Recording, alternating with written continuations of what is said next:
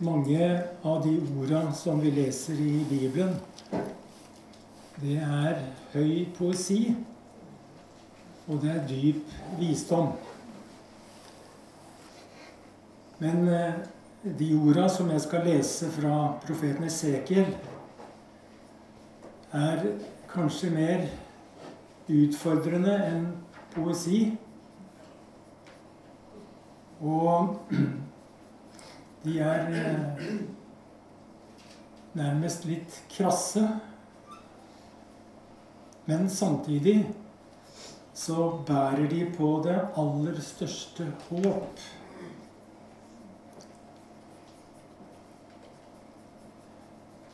Og eh, disse orda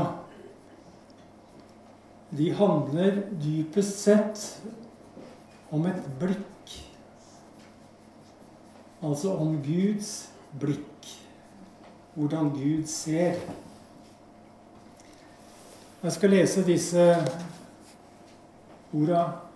Kanskje en noe utradisjonell adventstekst. Men eh, den som bruker fantasien, kan kanskje se refleksen eller ekkoet av juleevangeliet også i denne teksten. Det er fra Esekiel 16 og fra det fjerde vers. En eller annen grunn så rører disse orda ved meg på en spesiell måte.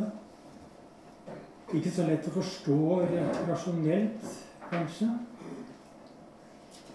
Men eh, jeg tenker at eh, Kanskje også mitt hjerte befinner seg et eller annet sted i sentrum av denne lille fortellingen fra Esekiel 16. Ved din fødsel, den dagen du ble født, ble ikke navlestrengen kuttet. Du ble ikke vasket. Du ble ikke vasket ren med vann og ikke, ikke gnidd med salt og ikke svøpt. Ingen viste deg medfølelse. Ikke en eneste av disse tingene gjorde de mot deg av medlidenhet.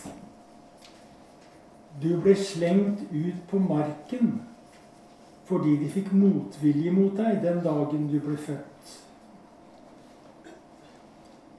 Da gikk jeg forbi deg og så deg der du lå og sprellet i ditt blod.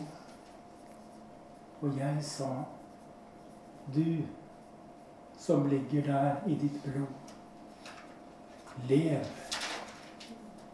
Og jeg sa, du som ligger der i ditt blod, lev.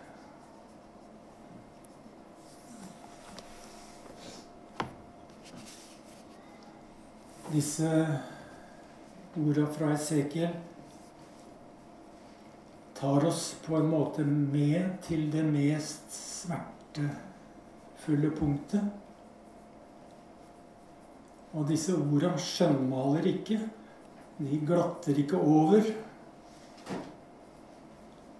Men selv når du står eller ligger innenfor døden, så lyder denne røsten majestetisk. Lev. Og det er en røst som befaler over dødens krefter. Det er den samme stemmen som blir hørt under skapelsen. Han talte, og det skjedde. Han bød, og det sto der. Dette ordet fra Esekiel 16 er opprinnelig og historisk sammenheng et ord til Jerusalem, som ble uttalt vel 500 år før Kristus. Men sånn jeg ser det, så er det også et bilde på alle, eller hele menneskehetens utsatthet. På min utsatthet. Og at Gud ser det. Ja, at Gud kanskje særlig ser oss i vår utsatthet. Og disse orda beskriver på en dramatisk måte to ting. Det ene er mennesket i en ekstremt sårbar situasjon. Og det andre er Guds ømhet for dette mennesket. Og la meg skyte inn hvor vi enn leser i Bibelen, Det gamle eller Nye testamentet Jesus er nøkkelen til hele Guds ord. Jesus er nøkkelen til alle Bibelens tekster, også de orda vi har lest her i dag. Og enhver gudstjeneste har til hensikt eller målsetning at vi skal få et glimt av ham, av Jesus. Og at vi skal få kjenne ham. Og at vi skal bli fordypa i fellesskapet med ham. Den teksten vi har lest, den handler åpenbart om menneskets utsatthet, nakenhet og avhengighet, og at Gud ser det. Men det er derimot ikke alltid vi ser det. Eller det er ikke alltid kanskje vi vil se det. Vi vil ikke se vår sårbarhet og avhengighet. Vi vil ikke se vår utsatthet. Og vi flykter jo ofte fra vår sårbarhet. Det er vel de fleste av oss sin erfaring. Og ofte må det nærmest en krise til før jeg ser det. Noe som får meg til å føle meg eller innse min sårbarhet. Og se hvor blottlagt jeg er i livet. Kanskje et tap en plutselig sorg eller innsikt for den, for den, for den skyld. Men noe som kan noe som kan få noe til å briste. Og som kan bli en åpning for Guds ømhet. Og det behøver ikke å være en katastrofe. Kanskje bare en banal hendelse. Noe som frilegger min utsatthet. Kanskje bare tanken på døden slår meg og avslører min utsatthet. Og det er slett ikke uvanlig at vi bærer sårbarheten og traumene, om du vil, skjult, gjemt Kanskje er, ikke, er vi ikke engang oppmerksom på det sjøl. Vi har ikke sett det. Og eh, Erik Varden, eh, som er katolsk biskop i Trondheim, han har skrevet en bok eh, som heter 'Alt som er verd at minnes'. Og han forteller i den boka om hans far, som var veterinær på den norske landsbygda. Og en gang hadde denne veterinæren vært ute på en gård hvor bonden holdt på å hesje høy da han kom. Og det var veldig varmt denne dagen, så bonden arbeidet i bar overkropp. Og over hele ryggen hadde han dype sår på kryss og tvers etter piskeslag. Dette var ikke så lenge etter krigen. Så årsaken var at han hadde vært fengslet av tyskerne under krigen og blitt utsatt for grov tortur. Og merkene, såra etter denne torturen, var jo vanligvis skjult under skjorta. Men denne, den, denne varme dagen, da var de synlige som et slags ufrivillig vitnesbyrd. En slags bekjennelse. Vi kan alle bære på smertelige minner og traumer. Erfaringer som vi holder i det skjulte, og som vi bærer under skjorta. Men budskapet i denne teksten er jo at Gud ser det. Gud ser det. Og Gud venter tålmodig på den sprekken som kan slippe lyset inn. Og Gud venter på at han skal få sagt det som ligger på hans hjerte. Og det er du som ligger der. Du som ligger der i din smerte. Du som bærer dine sår, og som bærer dine traumer. Lev.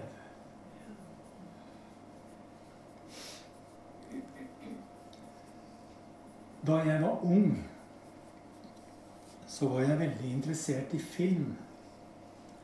Særlig fransk film fra 60-tallet. Og en kveld da jeg var ung, så var jeg sammen med noen venner på kino og så en film som gjorde et veldig sterkt inntrykk på meg. Filmen het 'Alfavill'. Siden den ligger så langt tilbake i tid, så går jeg ut fra at ingen av dere har sett den filmen, som ikke er på min alder. Men filmen het 'Alfavill' og var laget av den franske regissøren Jean-Luc Godard. Alfavill var navnet på et slags fiktivt og dystopisk samfunn som var skapt av en såkalt professor Braun. Og dette samfunnet, Alfavill, det ble styrt av en computer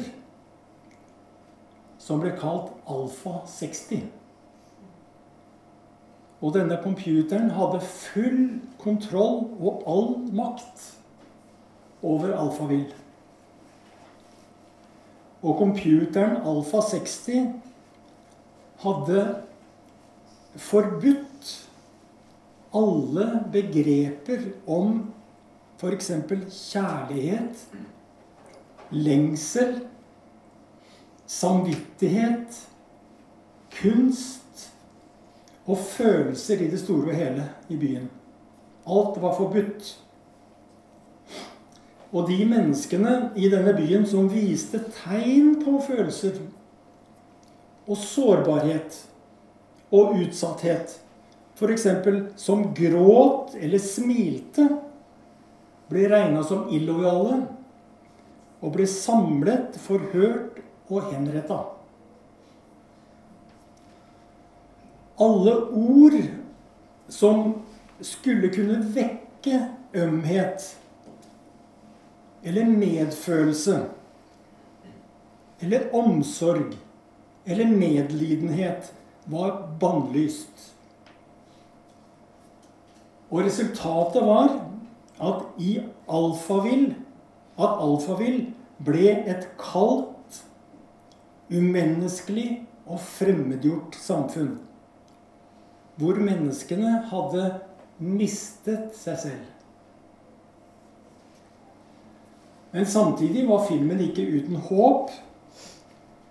Og uten å fortelle om handlingen eller gå inn på det, så eh, var det et håp om at en flukt fra dette menneskefiendtlige samfunnet kunne føre til et nytt og bedre liv. Og alfavill, det var naturligvis et vrengebilde men allikevel ikke helt uten likhetstrekk med menneskefiendtlige sider av vårt eget samfunn. Og kanskje var det en gjenkjennelse i mitt eget erfaringsliv som gjorde at dette gjorde så inntrykk på meg. For meg var i hvert fall denne kvelden som om inntrykkene fra denne filmen frila en sårflate i sjela. Og hvorfor den gjorde det, det kan jeg ikke forklare. Bare at det ble blottlagt i mitt hjerte et behov som jeg ikke kjente til. En dyp og ukjent lengsel. Og det var som om denne filmen slo opp en sprekk. Og som røpa en fattigdom. Et eksistensielt fremmedskap i verden. Og fram til denne kvelden så hadde livet mitt vært temmelig fremmed og fiendtlig til kristen tro. Og hvis jeg hadde kjent den kristne fortellingen, så kunne jeg kanskje denne kvelden ha tenkt at det jeg erfarte, var et ekko, et slags tomhetens drønn i sjela, som stamma fra den store skilsmissen i Edens hage. Som Bibelen sier, fredløs og flyktning skal du være på jorda. En slags forbannelse. Men jeg kjente ikke denne teksten. Men det som foregikk i mitt indre denne vinterkvelden, det var en virkelig krise. Det var som et avgrunnsdypt savn brøyt fram og søkte seg opp til overflata. Det var som om en voldsom og uant tørst lette desperat etter en kilde. Jeg gikk aleine hjem den kvelden. Fra mørke til lys under gatelyktene. Snøen falt tett. Inni meg var det bare mørke. Men nå var det som om all min innestengte og nedlåste lengsel Som om hele livets udefinerte sorg og savn og fremmedskap trakk seg sammen til et rop. Og hvis jeg hadde kjent den religiøse terminologien så ville jeg kanskje sagt 'Kyrie eleison'. Herre, forbarm deg. Men jeg kjente ikke dette språket. Men nå gjorde jeg noe som jeg allikevel aldri hadde gjort før. Og som hadde vært utenkelig inntil dette øyeblikk. Jeg ropte på Jesus. Ut i det kalde vintermørket rundt meg og inni meg ropte jeg dette navnet høyt. Høyt. Jeg var helt aleine. Og jeg ropte 'Jesus'. Da ble himmelen åpnet, og Guds herlighet åpenbarte seg. Senere leste jeg i Bibelen at hver den som påkaller Herrens navn, skal bli frelst. Denne filmen rørte altså ved et håp som i hemmelighet hadde grodd dypt inni min sjel. Men som jeg ikke visste om, ikke hadde identifisert. Og poenget er at i denne krisesituasjonen, eller desperate situasjonen, så var det noen som så meg. Og det var noen som så meg for å ville, å ville gi meg liv. som ville gi meg mer liv enn det jeg hadde. Og som ville gjøre meg delaktig i hans liv. Jesus sa, 'Jeg er kommet for at dere skal ha liv og overflod av liv'. Så disse versene og dette budskapet handler om et blikk. Og versene som vi innledningsvis leste fra profeten, profeten Esekiel, handler om at Gud ser. Han ser det vakuum i mitt liv der Gud skulle være. Han ser det rommet i meg som skulle være et tempel. Og han lengter etter å innta det. Han ser min ensomhet.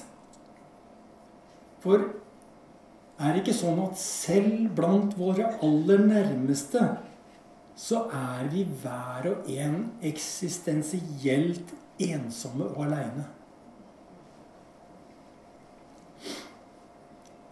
Og allikevel ikke, kanskje. Det er jo et paradoks. Og Ylva Eggehorn fanger det her paradokset i et dikt. Jeg leser bare et lite utdrag. Hvor hun sier at og tross alt er forskjellen stor mellom min ensomhet før jeg møtte deg, og min ensomhet etterpå. Mellom det ekko som ingen lyttet til, og det ekko som du hørte. Til slutt Dette er den siste gudstjenesten før jul. Og umiddelbart så høres det vel ut som om vår tekst fra Esekiel er fjernt fra juleevangeliet. Men er det så sikkert? For ser du nærmere etter, så er jo ikke avstanden så stor mellom han som ser menneskets utsatthet, og han som sendte sin sønn til frelse for verden. Thank you.